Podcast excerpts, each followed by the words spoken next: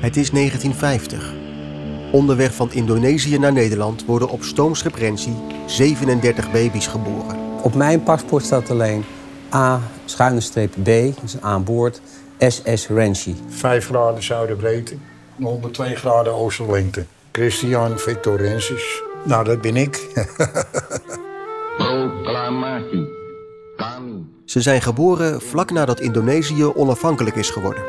Mijn vader is een held, want hij heeft meer gekke dingen meegemaakt dan wie en ook maar kan vertellen. Hun vaders waren militair in het Koninklijk Nederlands-Indisch leger. Mijn vader vond mij een lafaard en ik vond hem een moordenaar. Daar kwam het op neer. Ik ontdek hun verhaal via een foto en besluit alle baby's op te sporen.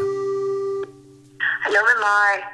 Ja, hallo, spreek met eh, Joost uh, Wilgenhof. Als je wat aan mijn moeder vroeg, dan is de antwoord altijd Simier. Ja, heel veel geheimen. 72 jaar na de aankomst van de Rensi hebben ze allemaal een andere kijk op de beladen koloniale geschiedenis van Nederlands-Indië.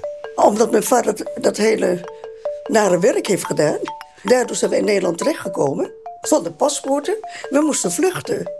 37 baby's, geboren tussen voormalige kolonie en onbekend moederland.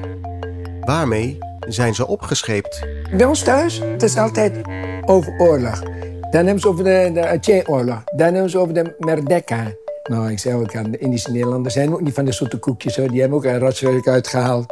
Vanaf nu in je podcast-app.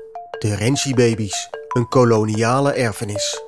Het interessante, maar ook het eh, lastige en het complexe van het koloniale verleden is dat wat je denkt te zien, is niet wat je ziet.